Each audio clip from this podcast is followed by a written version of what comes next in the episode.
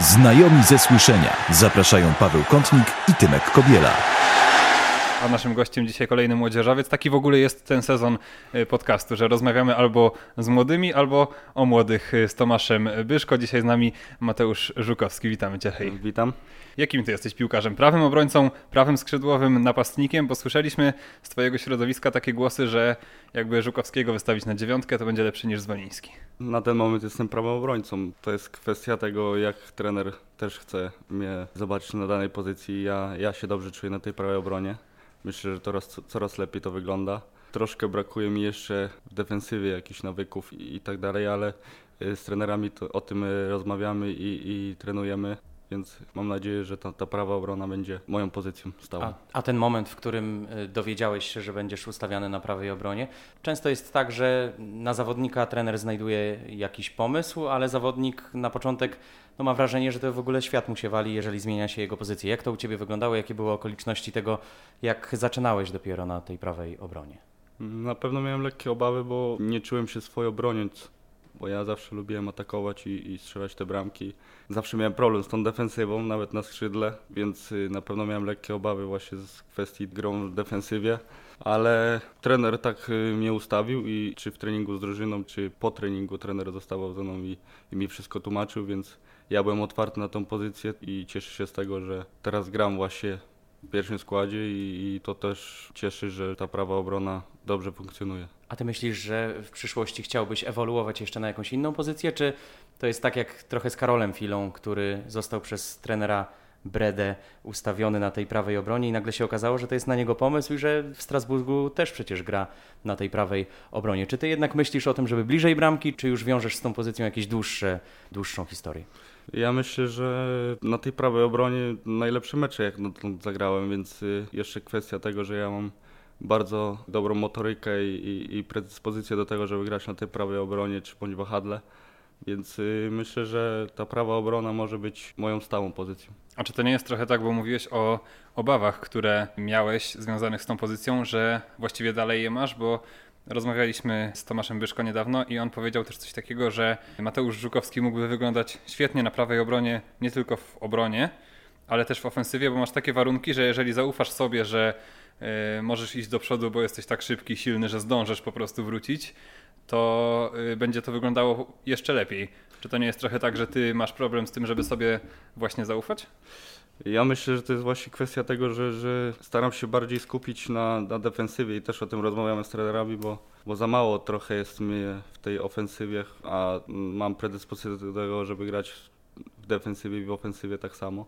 Myślę, że to bardziej siedzi w głowie, bo, bo nie chcesz zrobić jakiegoś błędu w defensywie, bo wiadomo, teraz jesteś prawą obrońcą i tak naprawdę no muszę najpierw bronić, potem atakować, aczkolwiek no wiem, że jak y, będzie taki moment, że nauczę się tego, żeby być w ofensywie i w defensywie, to na pewno będzie to lepiej wyglądało jeszcze. A wyjdźmy na chwilę z tej takiej uporządkowanej rozmowy i z tych odpowiedzialnych odpowiedzi.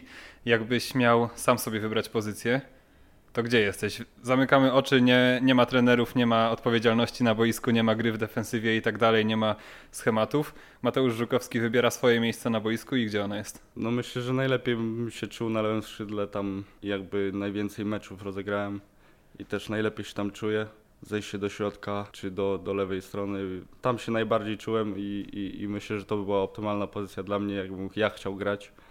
Czyli Wiadomo, nie no mówimy, mówimy hipotetycznie, że nie muszę grać w defensywie, no to wtedy na pewno bym dużo dawał w ofensywie, bo lubię dryblować, lubię grać tak y, odważnie. Z prawej obrony tak samo można to robić, ale no, wiadomo, mówimy czysto hipotetycznie, jakbym chciał jakąś pozycję wybrać, no to bym wybrał na pewno lewe skrzydło. Zresztą było widać to w meczu z Krakowią, prawda? Że ten atak, który przypuściłeś, to powiedzmy, że to był taki pół lewoskrzydłowy, prawda? Kiedy tam ściągnąłeś sobie piłkę. Ja chciałem zapytać właśnie o ten gol z 84 minuty, bo jak się strzela takiego gola w wieku 19 lat, mówisz prawie 20, to jednak cała Polska o tobie mówi piłkarska. Mówi się, że w Polsce jak jeden zawodnik prosto raz kopnie piłkę, to już robimy z niego wielki talent, ale u ciebie to ja te głosy słyszałem, że jest taki młody chłopak z Lęborka, myślę z 5 lat temu, czy 4 lata temu, kiedy tutaj przychodziłeś. Co ty czułeś w momencie, kiedy ta piła się nadarzyła? Czy miałeś jakąś. y, Zastanawiałeś się, czy to po prostu wyszło naturalnie z ciebie? Bo wiesz, ten atak wyglądał jak atak rutyniarza, jak człowieka, który wiesz, 10 lat biega po boiskach zawodowych w seniorskiej piłce. Wyglądało tak, jakbyś doskonale wiedział, co masz zrobić. Myślałeś wtedy o czymkolwiek, czy po prostu gaz do przodu, zobaczyłeś, że jest luka, uderzyłeś na długi słupek i, i weszło? Nie pamiętam nic oprócz tej strzelonej bramki. Nie wiem, tak jakby nogi mnie niosły i, i, i chciałem strzelić tą bramkę. Na pewno cieszy mnie ta bramka, bo na nią długo pracowałem i czekałem. Myślę, że ta bramka właśnie otworzyła mnie i, i jakby tą głowę, bo 5 lat temu no, głowa nie pracowała i ja jestem tego świadomy. Dalej pracuję z psychologiem, czy też z moimi przyjaciółmi i rozmawiamy o tym i z narzeczoną, bo ta głowa najbardziej mi przeszkadzała i, i, i ona się powoli otwiera. Też nie jest do końca jeszcze super, ale na, pracuję nad tym, żeby właśnie te bramki takie strzelać. No. A czemu głowa była zamknięta? To Czy wynikało nie z- zamknięta, była bardziej Co to znaczy właśnie? No nie? wa- właśnie, bo- że byłeś zblokowany, to jakby rozumiemy, tylko z czego to wynikało? Z, z z jakby, Jakby zajmowałem, zajmowałem się rzeczami, które nie mam wpływu i, i rzeczami, które mi nic nie dają, oprócz, no, po prostu zająłem teraz się sobą i tym, co ja mam robić na boisku, a nie, a nie co poza nim. Czyli mówisz na przykład o krytyce, tak? Że brałeś do głowy rzeczy, którymi i tak tak Myślę, naprawdę nie, nie krytykę, zająć? bardziej to, że wiadomo, jak jesteś młody, no to też troszkę odkręcać żarówka w głowie i, i jakby miałem pretensje, że nie gram, a chociaż jestem młody i muszę dalej pracować, bo wiedziałem, że przyjdzie taki moment. No ciężko tak określić, no po prostu miałem w głowie coś takiego, że, że chciałem grać, a nie grałem i, i chodziłem taki lekko za, Widać było po mnie, że, że marudzę. Naburmuszony, czy? Tak, tak, tak. I to myślę, że mi przeszkadzało też, zamiast zająć się sobą i tak jak teraz i pracować ciężko, na, żeby jak najlepiej grać. A czy to nie było trochę tak, że ty stałeś się ofiarą oczekiwań ludzi z zewnątrz? No bo z jakiegoś powodu czułeś, że chcesz grać, że masz predyspozycję, że jesteś bardzo utalentowanym y, chłopakiem. I ja mam trochę wrażenie, że to wynikało trochę z tego też, co ci ludzie mówili, bo gdziekolwiek ja nie słyszałem tutaj w, w gabinetach czy od ludzi trenujących piłkarzy Lechi na różnych szczeblach, Mateusz Żukowski to jest wielki talent, on tutaj będzie wielką gwiazdą. I, I może z tego wynikała taka, wiesz, nadambicja w tobie. Znaczy na pewno miałem w głowie, że ja chciałem coś pokazać innym, a nie sobie i to też mnie zgubiło, bo wychodząc na boisko masz pokazać własne umiejętności i nie słuchać się, nie zajmować się ludźmi, z którymi i tak nie rozmawiasz. Po prostu wychodząc na boisko chciałem, chcę teraz pokazywać swoje umiejętności, a nie, a nie pokazywać to innym, jakie ja mam umiejętności. Rozmawialiśmy tutaj y, przy tym stole z wieloma piłkarzami Lechi i każdy z nich opowiadał, że był moment w życiu sodówki. To zapytam ciebie też o tę sodówkę, czy masz już za sobą sodówkę, czy, czy już dotknęło nie, cię? mam, nie miałem, myślę, że nie miałem. Można też tak twierdzić przez to, że właśnie miałem trochę w głowie niepokładane i może parę ludzi tak pomyśleć, że miałem trochę sodówki w głowie, ale ja myślę, że nie było takiej sodówki, po prostu to była taka ambicja i dążenie do tego, żeby grać, a, a nie bardziej sodówka. Sodówka myślę, że mi nie grozi jeszcze. Ja po prostu twardo stąpam po ziemi, też mam dużo ludzi wokół siebie, którzy na pewno by mnie od razu zdjęli na ziemię i, i tak jak mówię, to jest dopiero początek mojej kariery czy przygody z piłką i, i, i na pewno nie ma się czym podniecać, bo to jest dopiero początek. To ja zapytam o jeszcze wcześniejszy czas. Jak ty pamiętasz swoje pierwsze kroki w Lechii? Bo podejrzewam, że wejście do drużyny jednak w dużym klubie nie jest łatwe. Czy to jest w seniorskiej piłce i w dużej szatni, czy to jest w roczniku do lat na przykład 10? Jak to było w twoim przypadku? Mi było akurat łatwiej o tyle, że ja jestem z Pomorza i, i tutaj wielu chłopaków znałem z kadry Pomorza. Ja nie miałem jakichś obaw i tak dalej. Ja wiedziałem, że ja przyjeżdżam tutaj, żeby grać w piłkę i, i spełniać swoje marzenia. Chwilę miałem załam, załamania, jak od mamy trochę wyjechałem i na pewno ciężko mi było się ogarnąć samemu, ale myślę, że to też y, dużo mi pomogło, że, że tak od mała lata sam mieszkałem, sam się zajmowałem sobą i teraz w życiu mi to pomaga. Nie? A twój dom rodzinny, jeszcze wcześniej się cofając na tej osi czasu, bo któryś z twoich trenerów powiedział, że opiekował się tobą, czy że starał się tobie pomóc, bo była trudna sytuacja w domu. Nie wiem, czy chcesz o tym powiedzieć. Tak, mój trener z Lęborka, Andrzej Małecki, myślę, że bardzo dużo mi pomógł i myślę, że gdyby nie on, to na pewno też bym nie, nie trafił do Lechi, bo on to pokierował i tak naprawdę mama oddała mu pieczę nade mną i, i dała mu to, żeby jakby wybrał mi klub, który będzie dla mnie najlepszy, bo miałem kilka opcji. Do tej pory mamy kontakt i, i myślę, że trener też dużo mi teraz pomaga. Dzisiaj chyba jest dumny z ciebie, jak widzi, jakby jakie postępy zrobiłeś i w którym jesteś miejscu. On mi zawsze powtarza, że, że to co teraz widzi i to wiedział, że to nastąpi, bo, bo ja od małe, małego zawsze byłem na treningu, zawsze chciałem jak najwięcej robić. Też jak przychodząc do trenera w wieku 6 lat trenowałem z 12-latkami, bo byłem tak fizycznie dobrze zbudowany i tak sobie, sobie radziłem. Do tej pory mamy kontakt i jest ze mnie dumny, powtarza mi to co chwilę, ale tak samo twierdzi, że to jest dopiero początek i żebym właśnie pokazywał to w jak najwięcej w meczu. To jeszcze o ten lęborski epizod dopytam i o kibicowskie animozje, bo Lęborg to mi się kojarzy bardziej z Arką Gdynia, z, z kibicowskim jakby fanklubem e, żółto-niebieskich. Jak wracasz do Lęborka, to nie mówią tam, nie, nie wytykają palcami o Lechista idzie? Nie, właśnie bardziej kibicują mi. Ja jestem z Lęborka i, i to, że przyszedłem do Lechi, to nie znaczy, że nie będą mi kibicować. Większość ludzi właśnie z Lęborka, jak mnie zaczepiają, no to życzą powodzenia i, i tak dalej. Powiedziałeś o Twoich atutach y, fizycznych, o tym, że zawsze to było Twoją bardzo mocną stroną. Kuba Arak nam kiedyś powiedział coś takiego, że Mateusz Żukowski to jest taki solidny schab. Jak to jest z Tobą właśnie, że te ciężary, o tym się dużo mówi, że ta szybkość i tak dalej. Jakie to są ciężary może na początek, bo jak sobie porównamy nawet zdjęcia czy filmiki od Twojego debiutu y, do dzisiaj, to mam wrażenie, że klatka to z 30 cm jest większa. Faktycznie maksymalnie mogę podnieść, przynajmniej tak mi trener Damian wrzucił 200 kg na nogi. Nie wiem, no to jest chyba bardziej genetyka, bo W przysiadzie 200 tak, kg. tak. Genetycznie naprawdę ja nawet wchodząc do pierwszego zespołu gdzieś yy, nie odstawałem fizycznie i właśnie to mi pomagało, żeby właśnie jak najszybciej się adap- zaadaptować tej pierwszej drużynie. Ja się cieszę z tego, bo mi to dużo pomaga, że jestem tak zbudowany. Wiem, że na pewno dużo ludzi by chciało tak wyglądać jak ja i, i mieć taką genetykę jak ja, więc nic tylko się cieszyć, bo to tylko pomaga.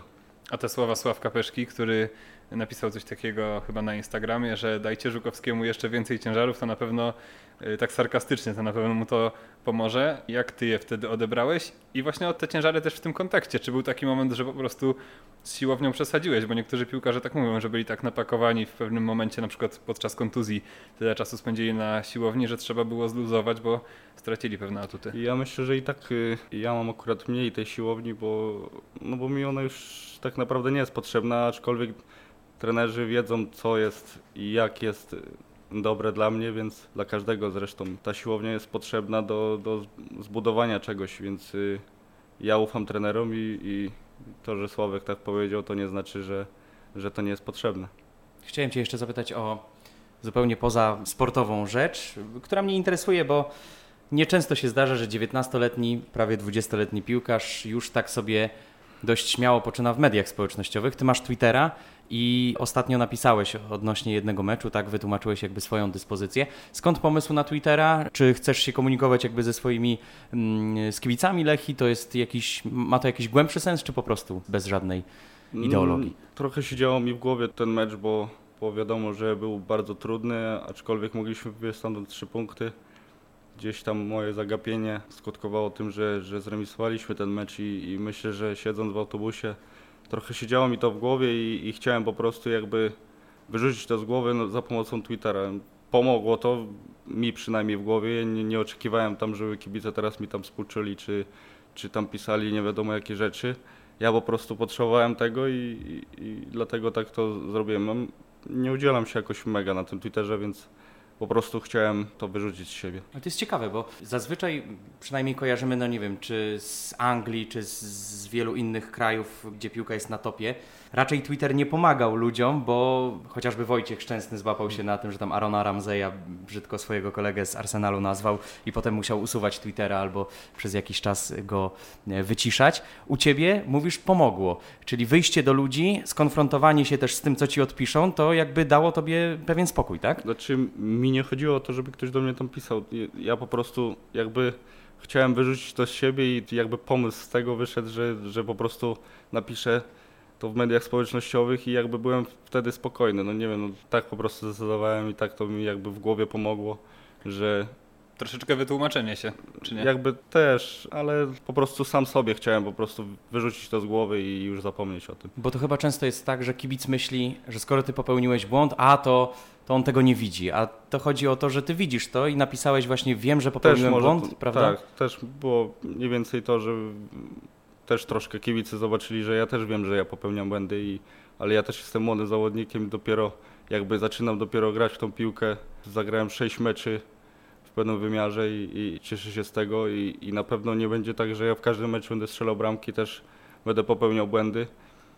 Bardziej mi było też szkoda właśnie naszej pracy, drużyny i tak dalej, bo wiem ile zdrowia włożyli w ten mecz, bo on był bardzo ciężki. A jak to jest z twoją pewnością siebie? Z jednej strony, jak tutaj siedzieliśmy jeszcze zanim zaczęliśmy nagrywać podcast, to miałem wrażenie, że ty się czujesz w pełni komfortowo i tutaj kawkę zrób, tutaj coś tam. A z drugiej strony, jak rozmawiamy o tych sytuacjach wojskowych, to często mam wrażenie, że tak to czy, nie, nie, czy niepewnie, czy wrażliwie właśnie odbierasz. No, Trzeba uważać na słowa na pewno i dlatego staram się mówić.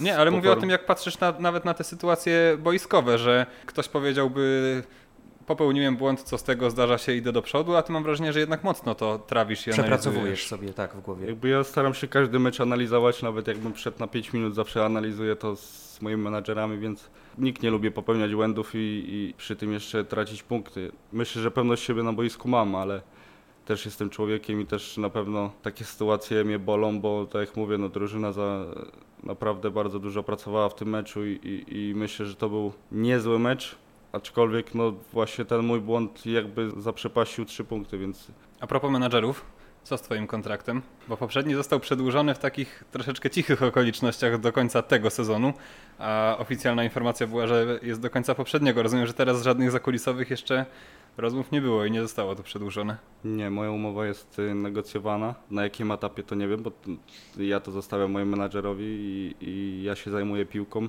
Jest na ten moment opcja, że, że na pewno przedłużę tę umowę i na pewno bardzo bym chciał. Czy to się stanie, to też nie wiem. Chciałem zadać pytanie o zagranicę, bo często jest tak, że jednak piłkarze, jak już trochę w polskiej lidze poczują, że, że mają ten dryk i że im wychodzi, to za granicę chcą jechać. Karol Fila nam wprost powiedział, bo już też w takim miejscu znajdował się y, swojego życia i swojej kariery, że jednak chce już wyjechać za granicę i jak siedzieliśmy kilka miesięcy temu, no to już było dość jasne, że pójdzie za granicę. Jak to u Ciebie wygląda? Czy są jakieś marzenia, nawet w perspektywie dalszej, y, odnośnie tego, jaka liga, jaki klub, jeżeli miałbyś oczywiście wyjeżdżać? Po to się gra, żeby właśnie jak najlepszych klubach grać, więc y, na pewno moim marzeniem jest wyjazd za granicę jak najlepszym klubie. Czy to się stanie? Ja ciężko pracuję na to, żeby właśnie wyjechać y, za granicę i to są marzenia, które właśnie od małego masz i, i, i chcesz je spełniać. Ale to jest Anglia, Niemcy, Francja, Włochy? Wiadomo, genetycznie i też y, od małego bardziej lubiłem Premier League, więc y, myślę, że ten kierunek najbardziej mnie satysfakcjonował, ale czy to będą Niemcy, czy Francja, czy, czy Hiszpania, czy inny klub, to też będę się cieszył. Dla mnie też jest ważne, żeby, żeby grać w tych europejskich pucharach, więc zobaczymy jak, to, jak te losy będą, że gdzie wyjadę i czy wyjadę. A w wolnym czasie, bo ty kiedyś powiedziałeś coś takiego, że zainteresowania to głównie piłka. Zastanawiam się, czy właśnie granie i skupianie się na rozwijaniu się, czy też jest telewizor i tam jest Premier League i wzorujesz się też na innych osobach. No i też y, pytanie tutaj o Ekstraklasę. Czy Ekstraklasę oglądasz? Bo wiemy, że sporo piłkarzy z naszej ligi Ekstraklasy nie ogląda. Z wiadomych przyczyn nie wszystkie mecze są lekkostrawne. Staram się oglądać Ekstraklasę, przeważnie oglądam mecze tych drużyn, z którymi właśnie przyjdzie nam się grać w następnej kolejce. Nie oglądam każdego meczu, wiadomo, nie ma na to też czasu, a, ale na pewno staram się podpatrywać jak najwięcej z tych drużyn, no bo gramy z nimi i też analizować, jakie są lepsze zachowania danego zawodnika, czy gorsze. Myślę, że ta piłka właśnie zawsze jest y, w, w domu, też y, z narzeczoną bardzo dużo właśnie oglądamy tych meczy, aczkolwiek też jest pora na to, żeby wyluzować i wypocząć, więc jakichś głębszych zainteresowań oprócz piłką nie mam, więc w głowie tylko piłkę mam i na tym się skupiam. A jakim jesteś piłkarzem w szatni? Jesteś w szatni cichy, masz swoje miejsce gdzieś tam z boku, czy raczej jak trzeba dowcipy jakieś zrobić kolegom z szatni, to się zdarza, że, że młody pokazuje swoją kreatywność? Staram się dozować tym, nie być za cicho i nie być za głośno. Wiadomo, że są starsi koledzy i, na pewno jakby coś się działo, że, że młody fisiuje, to na pewno by z nami rozmawiali. Ja staram się rozmawiać ze wszystkimi i jakby też rozśmieszać ich i, i, i dawać im radość w szatni, bo ta atmosfera też jest potrzebna do, na boisku, więc y, myślę, że daje dużo radości też w tej szatni. A Kuba Kałoziński jest od ciebie głośniejszy czy cichszy? No, lubi pogadać, lubi pogadać. Bo jesteście taką chyba parą kumpli, nie? czy nie? No, można powiedzieć. No nie, no jesteśmy kumplami na pewno. Kuba też jest bardzo dobrym zawodnikiem i, i myślę, że też y, o nim będzie niedługo głośno. Gdyby przyszła oferta z jakiegoś klubu ekstraklasy, czasami tak było, Kasper Hamalainen, Bartosz Bereszyński, Filip Mladenowicz, twój dawny kolega z zespołu, no zapytam wprost, oferta z Legii Warszawa, przyjmujesz, odrzucasz? To jest takie pytanie ciężkie Domyślam się. dla kibiców szczególnie. I ja na ten moment na pewno bym nie przyjął, bo granie w Lechi czy w Legii dla mnie to jest to samo i ja jestem tak od, od małego w Lechi, więc na pewno też nie wykluczam tego, no bo nie mogę nic obiecywać, że tu będę całe życie, więc mam nadzieję, że, że te negocjacje z Lechią które są prowadzone na pewno dojdą do skutku i, i, i przedłużą umowę. To odpłyńmy na chwilę od tych tematów piłkarskich, bo rozmawiamy od nich od dłuższego momentu. Ja za zacząłem delikatnie ten wątek, ale poszliśmy w stronę trenera.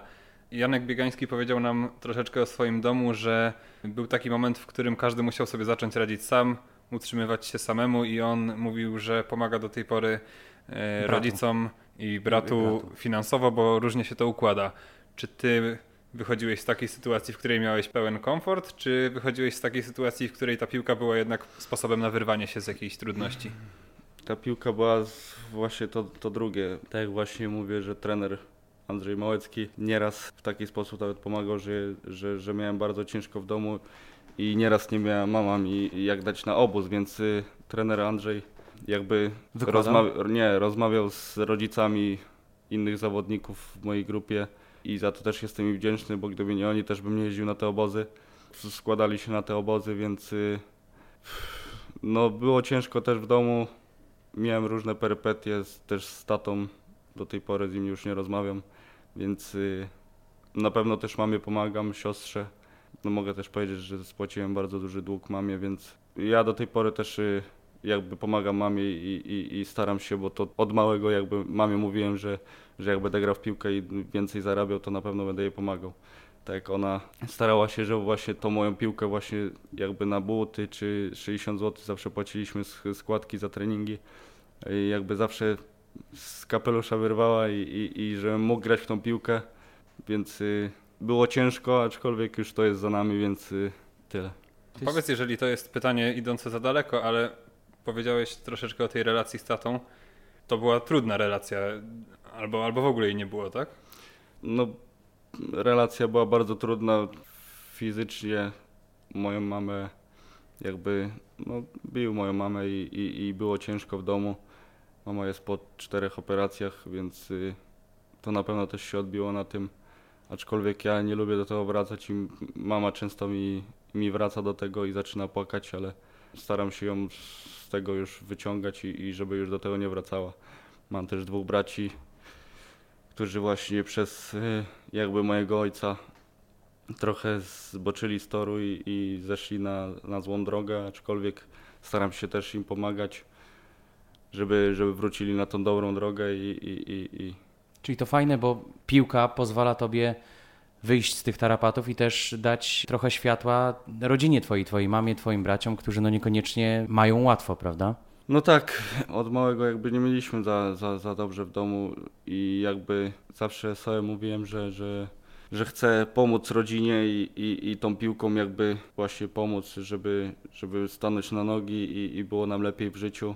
Dlatego zawsze daję z siebie 100% i, i maksa i dlatego ja zawsze myślę tylko o piłce bo wiem ile ona mi dała i tak jak mówię, cieszę się z tego, że, że gram w tą piłkę i mogę pomagać rodzinie. To może jeszcze to zmotywuje braci, bo mówisz, że przez ojca skręcili w trochę gorszą stronę, ale jak widzą, że, że brat sobie radzi, że brat jest dobrym piłkarzem, może im też jakoś zacznie iść w życiu.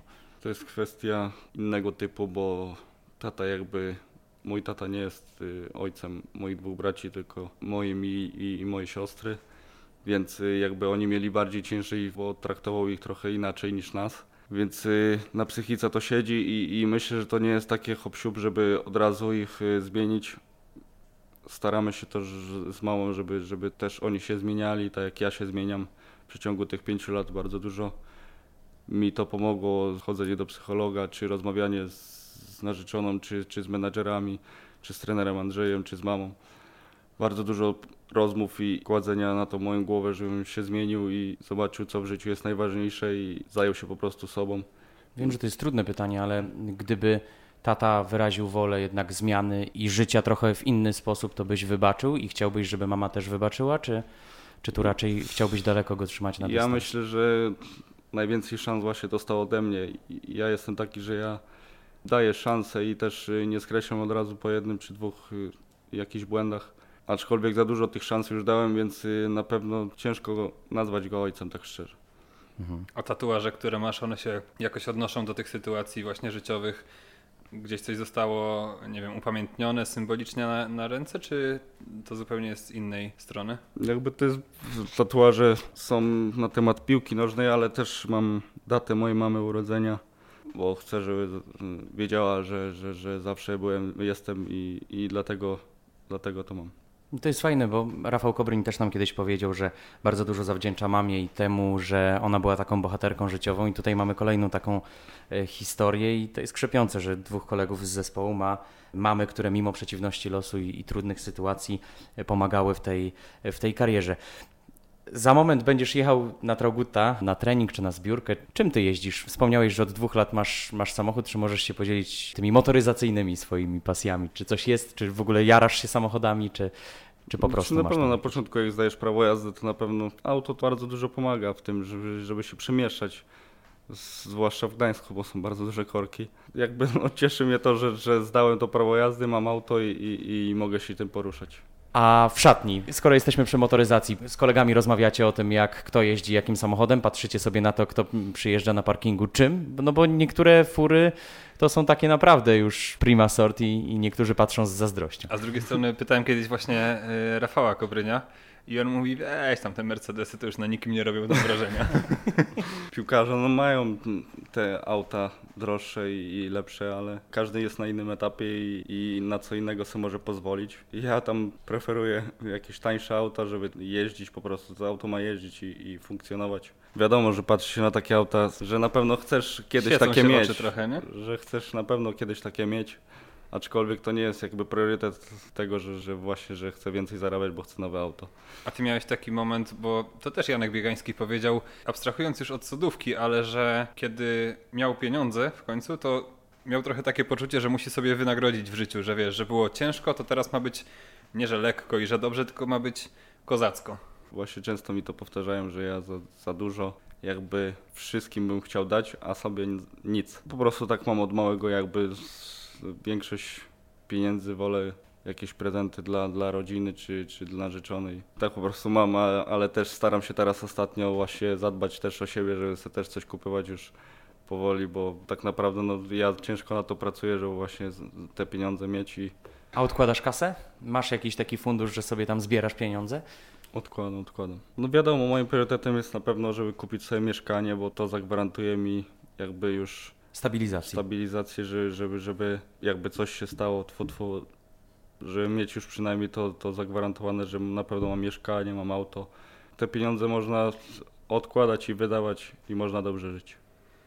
To jeszcze jedno pytanie, pewnie już na podsumowanie, bo kiedyś ktoś mi powiedział, że żyjąc w takiej trudnej sytuacji, człowiek nie marzy.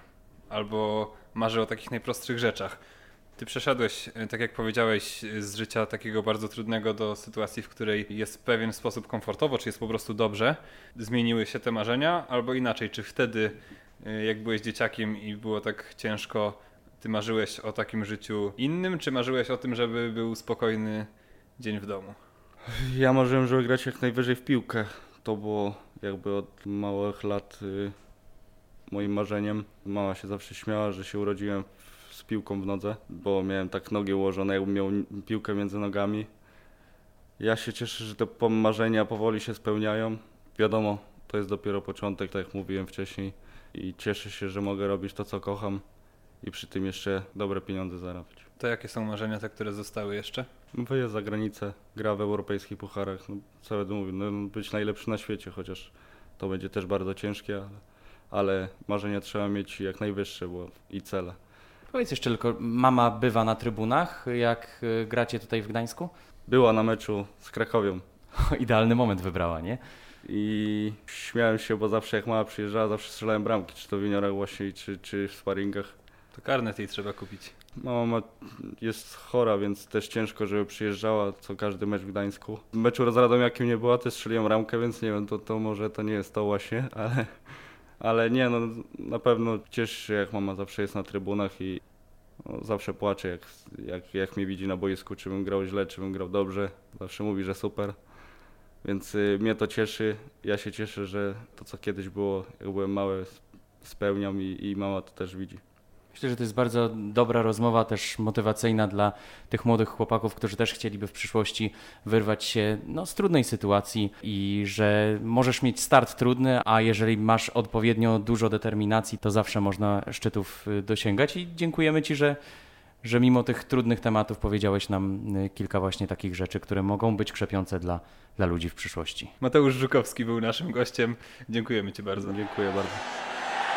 Znajomi ze słyszenia. Paweł Kątnik i Tymek Kobiela.